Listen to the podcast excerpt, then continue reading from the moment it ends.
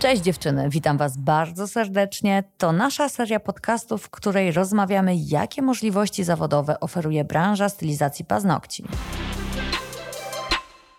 Dzień dobry, Magda Malaczyńska, podcasty Indigo. Dzisiaj będziemy rozmawiać o fizjoterapii, o tym, w jaki sposób powinniśmy dbać o nasze ciało i jak rozpoznać sygnały, że coś jest nie tak, co zrobić w takiej sytuacji. Nie mogłabym wymarzyć sobie lepszej gościni niż Anny Kupsik-Gidlewskiej, która jest wykładowcą na Uniwersytecie Medycznym w zakresie fizjoterapii i osteopatii. Zgadza się? Tak, dzień dobry Państwu. Aniu, może zacznijmy od tego, jak powinno wyglądać stanowisko pracy stylistki, która jak wiemy ma pracę siedzącą. Zacznijmy od tego właśnie, jak to stanowisko powinno wyglądać, z tego względu, żeby właśnie zapobiegać tym wszystkim dolegliwościom, które mhm. mogą no, pojawić się u stylistek. Jeżeli chodzi o stanowisko, to oczywiście odpowiednie biurko i odpowiednie krzesło. Jeżeli chodzi o e, biurko, to najlepiej też jakby miało regulowaną wysokość. Okej, okay, czyli kluczem jest, aby nasze biurko było w odpowiedni sposób do nas dopasowane, do naszego ciała. A skąd pozyskać informację, jaka to powinna być proporcja? No o tym właśnie mówią jakby zasady ergonomii pracy pracy na każdym stanowisku i również stylistki też powinny być na ten temat jakby wyedukowane. I tutaj chodzi głównie o to, że jak usiądziemy sobie na krześle, tak jak powiedziałam wcześniej, to krzesło dobrze by było jakby miało regulowaną wysokość, mhm. to siadamy w ten sposób, żeby kończyny dolne, czyli stawy biodrowe i stawy kolanowe były oparte, zgięte pod kątem mniej więcej 90 stopni. Mhm. E, stopy oparte albo też można czasem oprzeć je o podnóżek i wtedy dopasowujemy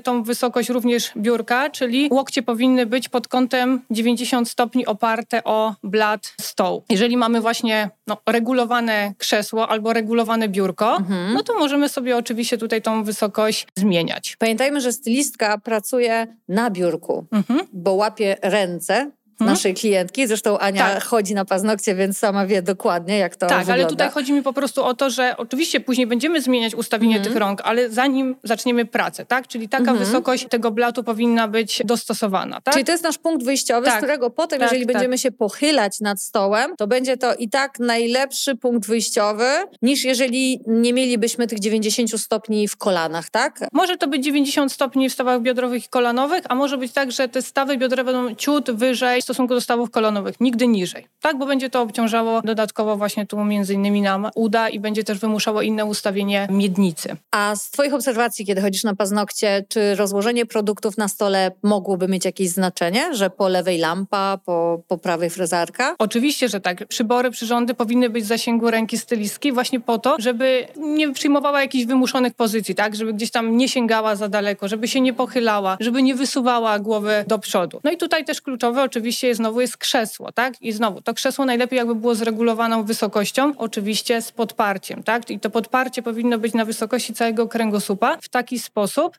żeby było również wyprofilowane, żeby dostosowało się do krzywisk kręgosłupa, tak? Czyli najlepiej zachowało krzywiznę piersiową i lordozę lędźwiową. A co sądzisz o tych krzesłach, które takie mm, latające, takie właśnie wspierające kręgosłup, które nie pozwalają ci się garbić i wymagają od ciebie, żeby trzymać pion kręgosłupa kręgosłupa. Ja mam takie krzesło i od kiedy je mam, to nie boli mnie kręgosłup, ale nie wiem, czy to jest dobre rozwiązanie dla stylistek. Jest to jedna z możliwości, bo to wymusza tak zwane aktywne siedzenie. To trochę mhm. brzmi jak taki oksymoron, tak? Ale chodzi tutaj o to właśnie, żeby wymusić mhm. napięcie odpowiednich grup mięśniowych, tak? Czyli przede wszystkim mięśni kręgosłupa, ale również mięśni brzucha, mięśni pośladków, po to, żeby no, zachować właśnie tą prawidłową postawę. Natomiast czy to jest na przykład właśnie takie siedzisko, o którym powiedziałam, czy to na przykład jest piłka do fitnessu, bo może to być jako alternatywa krzesła mhm. i wtedy to niestabilne podłoże mhm. też na przykład wymusza napięcie mhm. odpowiednich grup mięśniowych. Chodzi tutaj głównie właśnie o te mięśnie antygrawitacyjne, które mają nam trzymać tą postawę, natomiast one nie mają oparcia. Tak? Mhm. Więc y, możemy je stosować jako zamienniki, ale tak naprawdę no, nie dłużej niż powiedzmy dwie godziny, no bo jednak nie jesteśmy w stanie przez stricte dwie godziny, mhm. czy tam mhm. nawet godzinę, trzymać tej wymuszonej pozycji i napinać co chwilę te grupy mięśniowe. Więc oczywiście może być tak, jako taką alternatywę dobrego krzesła,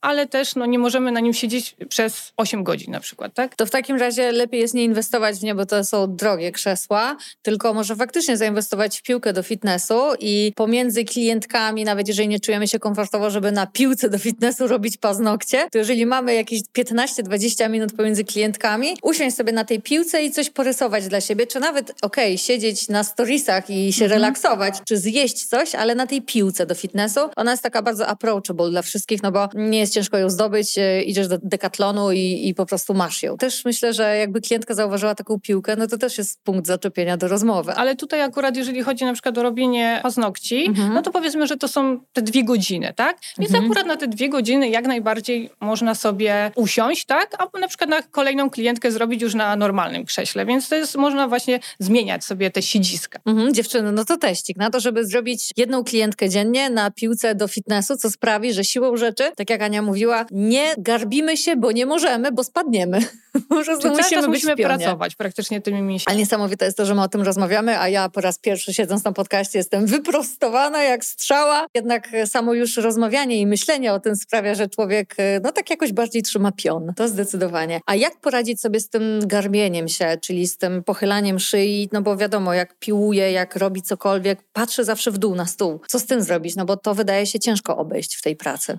No tutaj po prostu taka rada do stylistek, żeby co jakiś czas, czyli nie wiem, co 5-10 minut jednak, czy 15, starały się no, wyprostować ten odcinek szyjny, wykonać tak zwaną retrakcję głowy, czyli przyciągnąć jakby brodę tutaj e, do szyi, po to, żeby właśnie rozciągnąć te krótkie mięśnie podpotyliczne i mięśnie głębokie, które najczęściej właśnie się napinają. I tutaj jakby mogę powiedzieć jakby dalej, co, co, co może być właśnie konsekwencją właśnie takiej protrakcji głowy, mhm. wyciągania. No to jest właśnie też związane z tym, gdzie znajdują się odpowiednie e, przybory, tak? czy te przyrządy właśnie do robienia stylizacji, bo jeżeli one będą za, za daleko gdzieś tam w zasięgu ręki, mhm. no to mhm. automatycznie to będzie wymuszało właśnie wyciąganie tej e, głowy do przodu, czyli mówimy o tak zwanej protrakcji mhm. głowy. Ta protrakcja głowy wiąże się automatycznie z zaokrągleniem kręgosłupa mhm. piersiowego, z mhm. protrakcją też barków, no i już mamy pozycję, no niestety niefajną, tak? Mhm. No jeżeli teraz ta pozycja będzie utrzymywała się na przykład, nie wiem, no przez 6 godzin, 8 godzin, no to już mamy idealne jakby środowisko do tego, że te dolegliwości nawet po tym jednym dniu mogą się pojawić z tego względu, że te mięśnie po prostu są przeciążone, tak? A jeżeli mówimy jeszcze o odcinku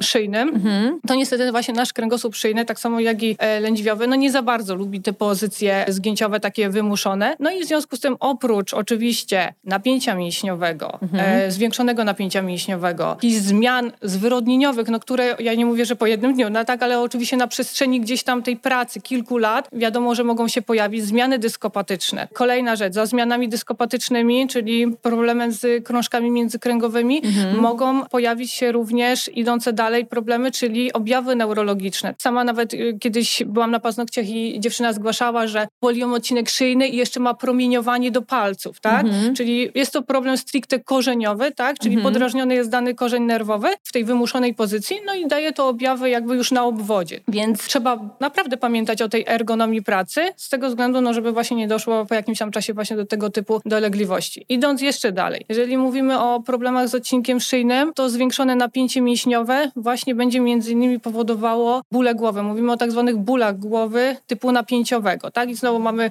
gdzieś tam osoby, które borykają się z bólami głowy, chodzą do na przykład do neurologów, czy tam do innych lekarzy i nagle się okazuje, że no prawie, że problem jest prozaiczny, bo mhm. wynika po prostu z podwyższonego napięcia mięśniowego i nieprawidłowej postawy ciała. I jakby zlikwidowanie tego problemu, dbanie o tą e, ergonomię, wykonywanie odpowiednich ćwiczeń zarówno w trakcie pracy, jak i po pracy, najczęściej niweluje te dolegliwości bólowe. Nie musimy się faszerować gdzieś tam tabletkami przeciwbólowymi, bo to najczęściej dostajemy od lekarzy, tylko po prostu zadbajmy jakby sami o siebie. Idąc dalej znowu, również zawroty głowy szumy uszne mogą się pojawić, tak? Bo jest to wszystko związane z przejściem szyjno-potylicznym, czyli tam dochodzi do zmian na segmencie C0, na przykład C1, ale również mogą pojawić się takie zaburzenie napięcia mięśniowego. Mówimy o takiej podstawie właśnie wysunięcie głowy do przodu, zaokrąglenie barków i zaokrąglenie kręgosłupa piersiowego. Mhm. I bardzo często jak patrzymy na taką listkę z boku, to to, co się pojawia, to tak zwany wdowi garb tak? Mhm. Czyli na przejściu tutaj szyjno-piersiowym widzimy taką ala, nazwijmy to bułeczkę, tak? Jest mhm. to tak zwany wał mięśniowy, który właśnie wynika z zaburzonej postawy ciała. I najczęściej na tym przejściu szyjno-piersiowym też pojawiają się dolegliwości bólowe. No to też wynika właśnie z zaburzenia postawy ciała. A myślisz, że praca stylistki to jest skazanie się w niedalekiej albo dalekiej przyszłości na właśnie ten wdowi garb, na te problemy neurologiczne, czy jednak nie? Dążę do tego, że panuje taka opinia w naszej branży, że bycie stylistką oznacza, że prędzej czy później i tak coś ci się z twoim zdrowiem w tej przestrzeni kręgosłupa niestety wydarzy. Nie chcę też tak, że tak powiem, demonizować, mhm. tak? Bo y, dziewczyny nie będą chciały pracować w tym zawodzie, ale jakby duża praca leży po ich stronie, tak? Mhm. Jest to praca jakby można powiedzieć, że przy biurku, tak? Czyli czy mówimy o kimś, kto pracuje, nie wiem, w biurze administracyjnym, czy dziewczyny pracują właśnie z paznokciami, to jest to jednak praca przy biurku i no, trzeba pamiętać o tej ergonomii pracy i również o ćwiczeniach w trakcie pracy, tak? Czyli jeżeli dziewczyny pomiędzy klientkami mają te dosłownie, nie wiem, 10 minut, tak? Mhm czasem obserwuję, że no, siada od razu do drugiej klientki, a czasem ma czas, no to niech wykona parę kroków, tak? Czyli jakiś spacer,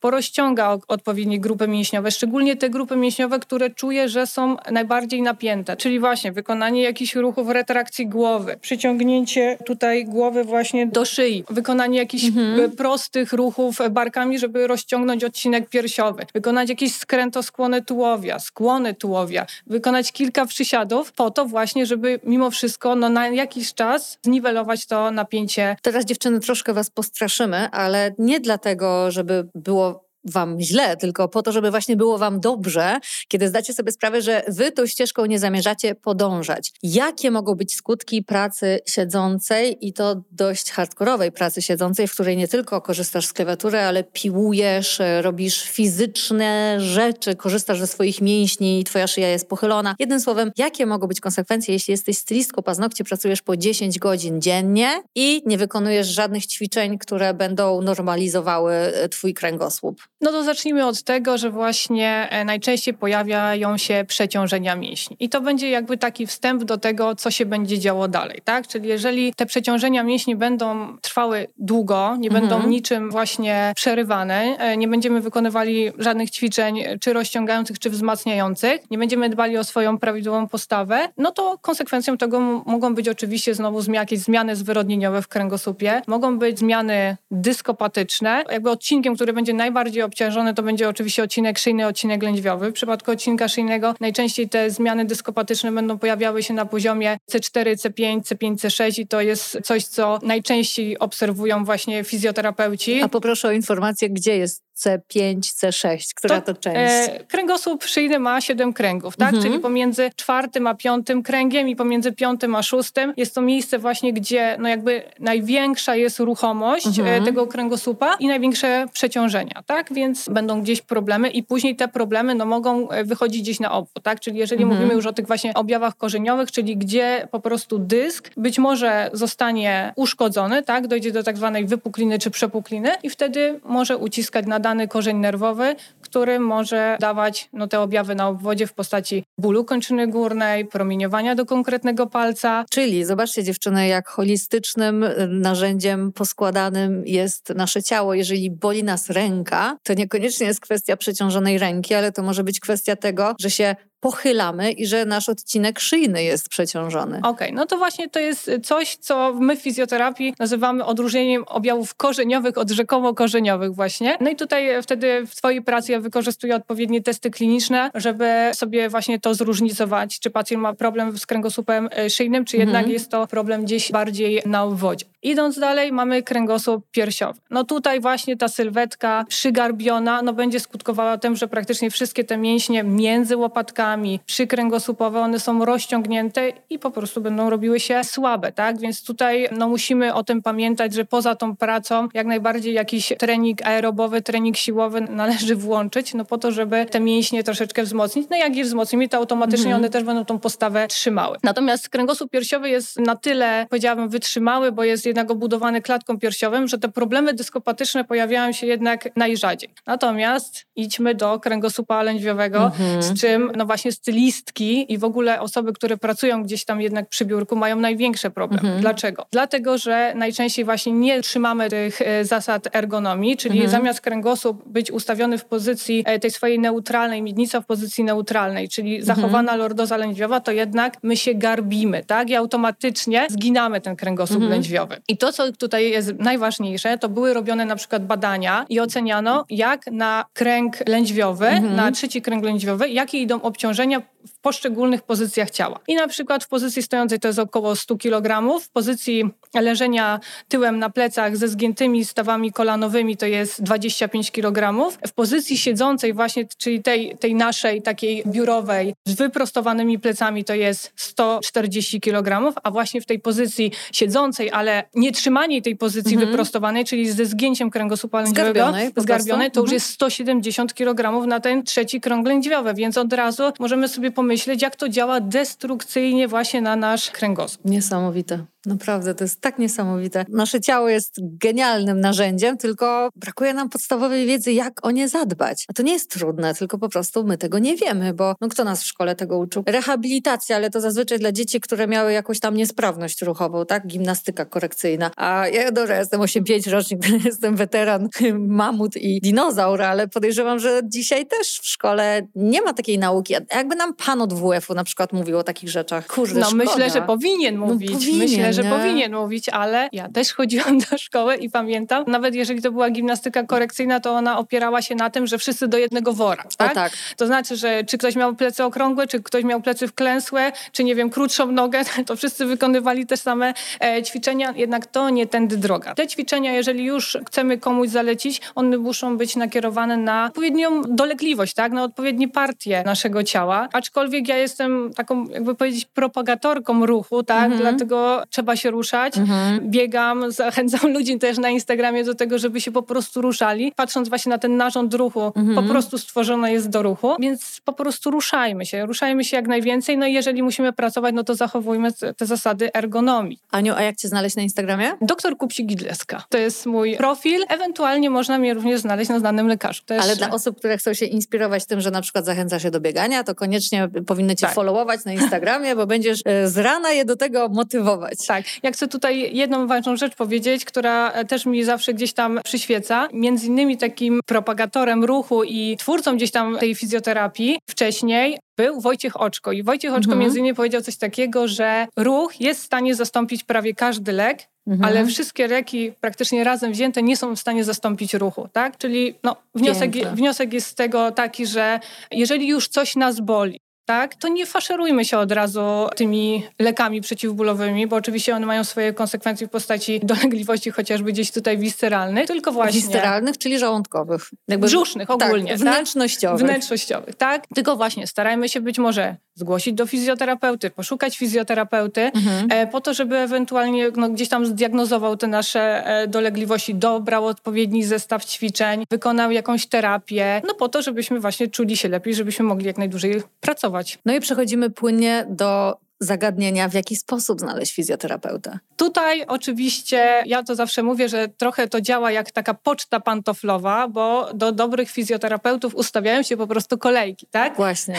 Czyli musimy po, poczytać opinie, popytać znajomych, gdzie po prostu się gdzieś tam rehabilitują. Oczywiście naprawdę ja to zawsze przestrzegam przed czymś takim, nie idźmy do pierwszego lepszego znalezionego w internecie. No możemy trafić źle. Ja nie mówię, że oczywiście ktoś wykona złą terapię, ale jednak zawsze polegajmy na tej opinii, czy to gdzieś tam opisanej w internecie, czy u naszych znajomych. A jeśli nie mamy pośród znajomych osób, które znają fizjoterapeutę, tudzież z niego korzystają, to może dobrym rozwiązaniem byłoby pójść na siłownię i zapytać, czy jest może jakiś fizjoterapeuta, którego można polecić? Oczywiście, może to być fizjoterapeuta, mogą to być trenerzy personalni. Trenerzy personalni też oczywiście mają wiedzę na temat naszego ciała, czyli jak sobie z tym ciałem e, pracować, jakie dobierać przede wszystkim ćwiczenia. Sobie cenię oczywiście ich pracę. A największym game changerem będzie wtedy, kiedy znajdziecie sobie trenera personalnego, który jest fizjoterapeutą, bo to zazwyczaj są ludzie, którzy no, mają tak kompletną wiedzę i też przede wszystkim tą miłość do ciała, czyli oni nie będą was przysłowowo mówiąc tyrać, żeby był tylko efekt, ale to będzie też z poszanowaniem tej naszej świątyni, tego ciała, a to jest ważne. My też pamiętajmy o tym, że musimy kochać samych siebie,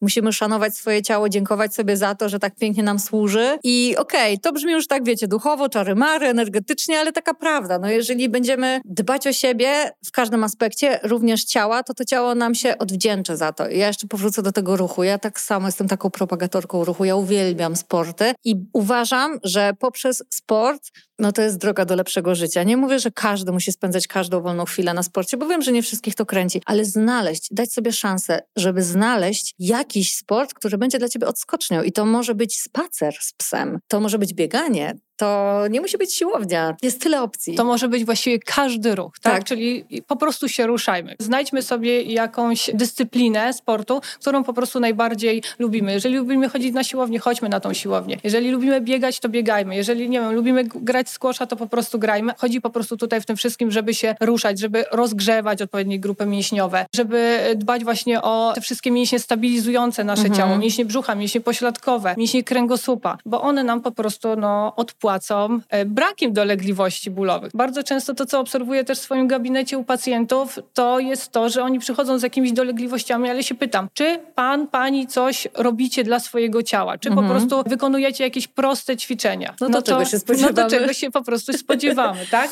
W końcu to ciało no, e, nie wytrzymuje, tak? Jest po prostu przeciążone i konsekwencją tego oczywiście będą gdzieś dolegliwości bólowe. Aniu, a powiedz mi, co jest znakiem, że przesadziliśmy? Mm, że powinniśmy się udać do fizjoterapeuty, bo też w takim rozumieniu mainstreamowym fizjoterapeuta, no to wtedy, kiedy już jest kaplica, kiedy wstanę rano i ta rwa kulszowa nie pozwoli mi wyprostować lewej nogi, to chyba wtedy czas na fizjoterapeutę. A to zdaje się, że już jest bardzo za późno. Kiedy stylistka paznokci może zdiagnozować u siebie coś w swoim ciele, co wymaga konsultacji z fizjoterapeutą? No ja bym tu powiedziała w ten sposób. Jeżeli codziennie po pracy pojawiają się te same dolegliwości, czyli na przykład bóle tutaj obręczy barkowej, tak? E, bóle gdzieś tam stawów łokciowych, bo bardzo często właśnie e, stylistki bardzo dużo pracują jednak stawami łokciowymi mhm. i ten ból pojawia się codziennie, permanentnie, to jest to sygnał do tego, że coś się dzieje z naszym ciałem, tak? Mhm. I tutaj ja bym wtedy naprawdę zgłosiła się do fizjoterapeuty, chociażby po to, żeby on właśnie pokazał nam, jak też prawidłowo pracować podczas tej pracy, jakieś proste ćwiczenia, które może wykonywać, właśnie stylistka,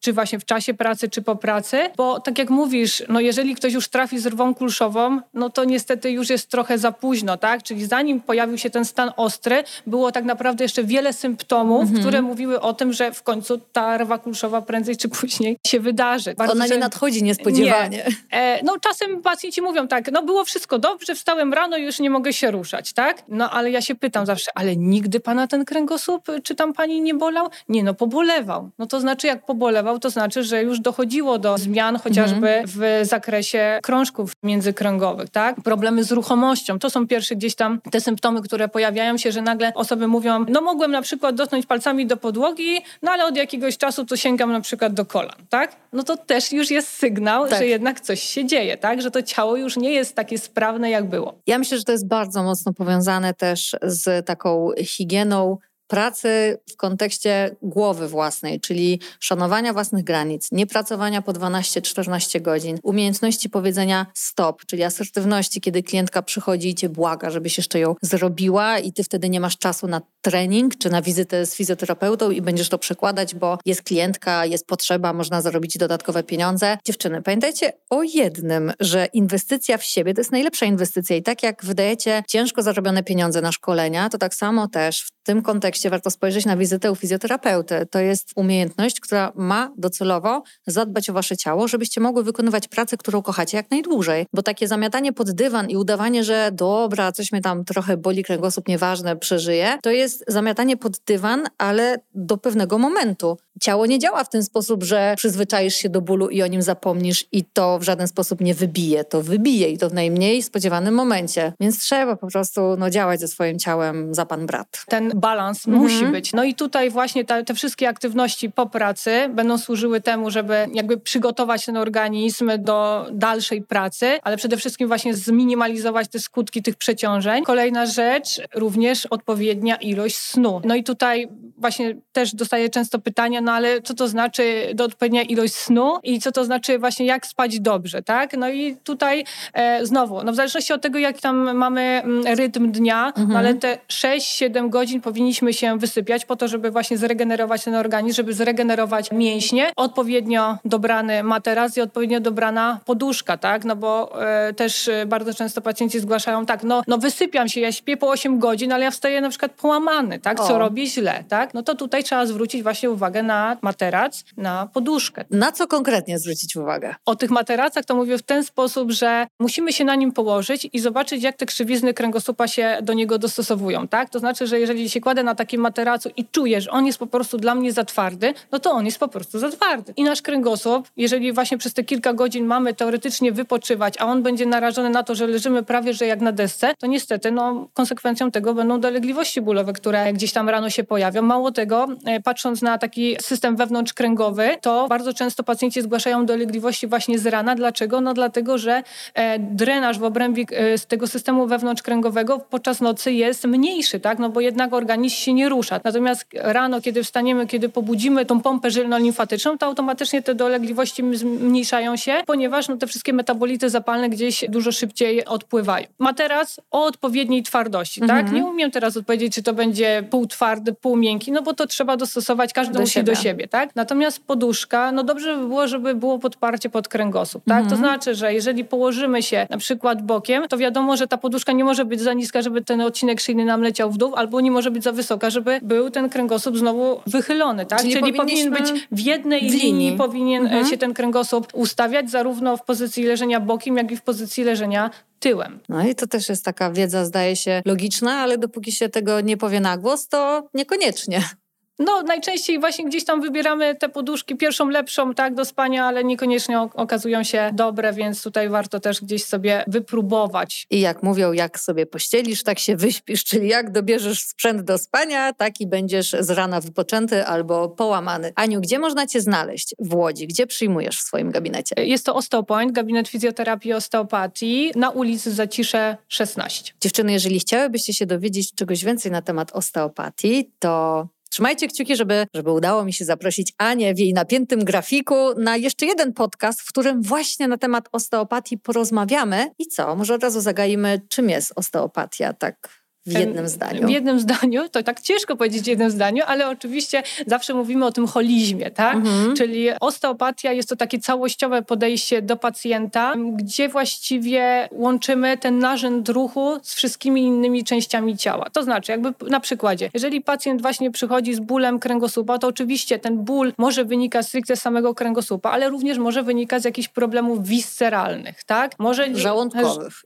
wnętrznościowych. Wnętrznościowych, bo to nie jest tylko żołądek, tak? To może być wątroba, pęcherzyk żółciowy. Bardzo często gdzieś tam problemy na przykład prawego barku. Jeżeli nie było żadnego urazu, jest to gdzieś tam problem przewlekły, mogą wynikać na przykład poprzez unerwienie na przykład z wątroby czy z pęcherzyka żółciowego. Oj, to jest bardzo ciekawy temat. Bardzo ciekawy temat. Myślę, że za chwilę już sparujemy nasze kalendarze, żeby jak najszybciej ten materiał nagrać. Tymczasem bardzo dziękuję za przybycie dzisiaj do Indigo. I dziękuję bardzo, była to dla mnie przyjemność. Dla mnie ogromna przyjemność, bardzo dużo się dzisiaj dowiedziałam i tak samo dziewczyny, które słuchały dzisiaj naszego podcastu. Zatem raz jeszcze ślicznie dziękuję. Dziękuję bardzo. A Wam dziewczyny życzę pięknego dnia. Dzięki, że byłyście z nami i do usłyszenia na kolejnym odcinku. Cześć!